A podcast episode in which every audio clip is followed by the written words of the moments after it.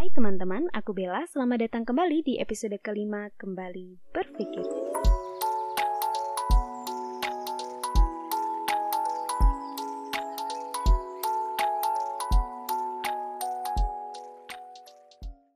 Hai, udah lama banget, banget, banget, banget kita nggak ketemu. Semoga buat kamu yang lagi dengerin podcast ini selalu ada rasa syukur dan bahagia di hati kamu. Karena menurutku dua hal itu merupakan hal yang sangat penting yang ada di dalam diri kita dalam menghadapi segala hal apa pun yang terjadi di dalam hidup kita.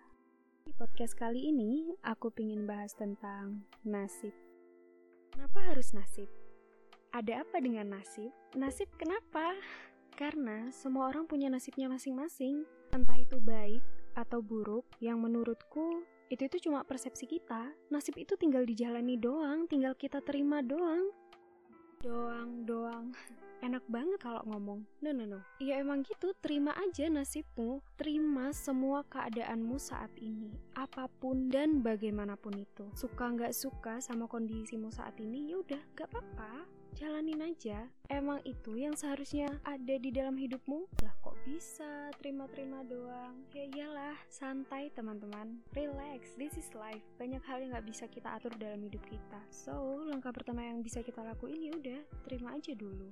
Analoginya gini, kamu tuh orang yang kelaparan, tapi kamu tuh pingin boba, sedangkan kamu dikasih nasi sama mamamu. Kamu sebagai orang yang pingin boba pada saat itu pasti mikirnya, lah kok dikasih nasi? Kan pengennya boba, kenapa dikasih nasi? Sekarang kamu punya dua pilihan, antara kamu tetap pingin boba dan kamu nolak nasi itu, kamu nggak mau makan nasi, kan kamu maunya boba. Atau ya udah karena kamu lagi kelaparan, ya udah makan aja dulu tuh nasi daripada mati kelaparan Pilihan mana yang mau kamu ambil? Pilihan pertama atau pilihan kedua? Kalau kamu pilih pilihan pertama untuk tetap menolak nasimu dan pingin boba, kamu sama saja seperti sedang menolak nasibmu. Kamu emang teguh pendirianmu, tapi dengan kamu nolak nasimu tuh, padahal kamu sekarang lagi kelaparan, kamu bakal terus kelaparan dan mamamu juga nggak bakal ngasih boba ke kamu karena mamamu tahu nasi itu lebih baik buatmu saat ini karena kamu sedang kelaparan daripada boba dan kamu bakal tetap gitu aja kelaparan banyak hal yang terhambat karena kamu kelaparan dan terus kelaparan. Padahal kalau kamu memilih untuk pilihan keduamu buat menerima nasimu dan ya sudahlah bobanya nanti dulu